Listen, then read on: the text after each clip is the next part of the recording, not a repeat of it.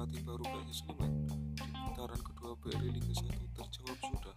Diketahui pada Senin 20 Desember 2021, PS Sliman mengumumkan secara resmi nama Ibu tiri sebagai pelatih baru. Mantan pemain timnas nasional itu didatangkan untuk menggantikan Dejan Antonik. Mereka berharap kedatangan bisa membawa PS Sleman bisa meraih hasil 2021-2022. Pria yang sebelumnya melatih Persikat Tegal itu pun resmi dikenalkan ke publik melalui akun media sosial resmi klub berjuluk Super Elja atau Super Elang Jawa.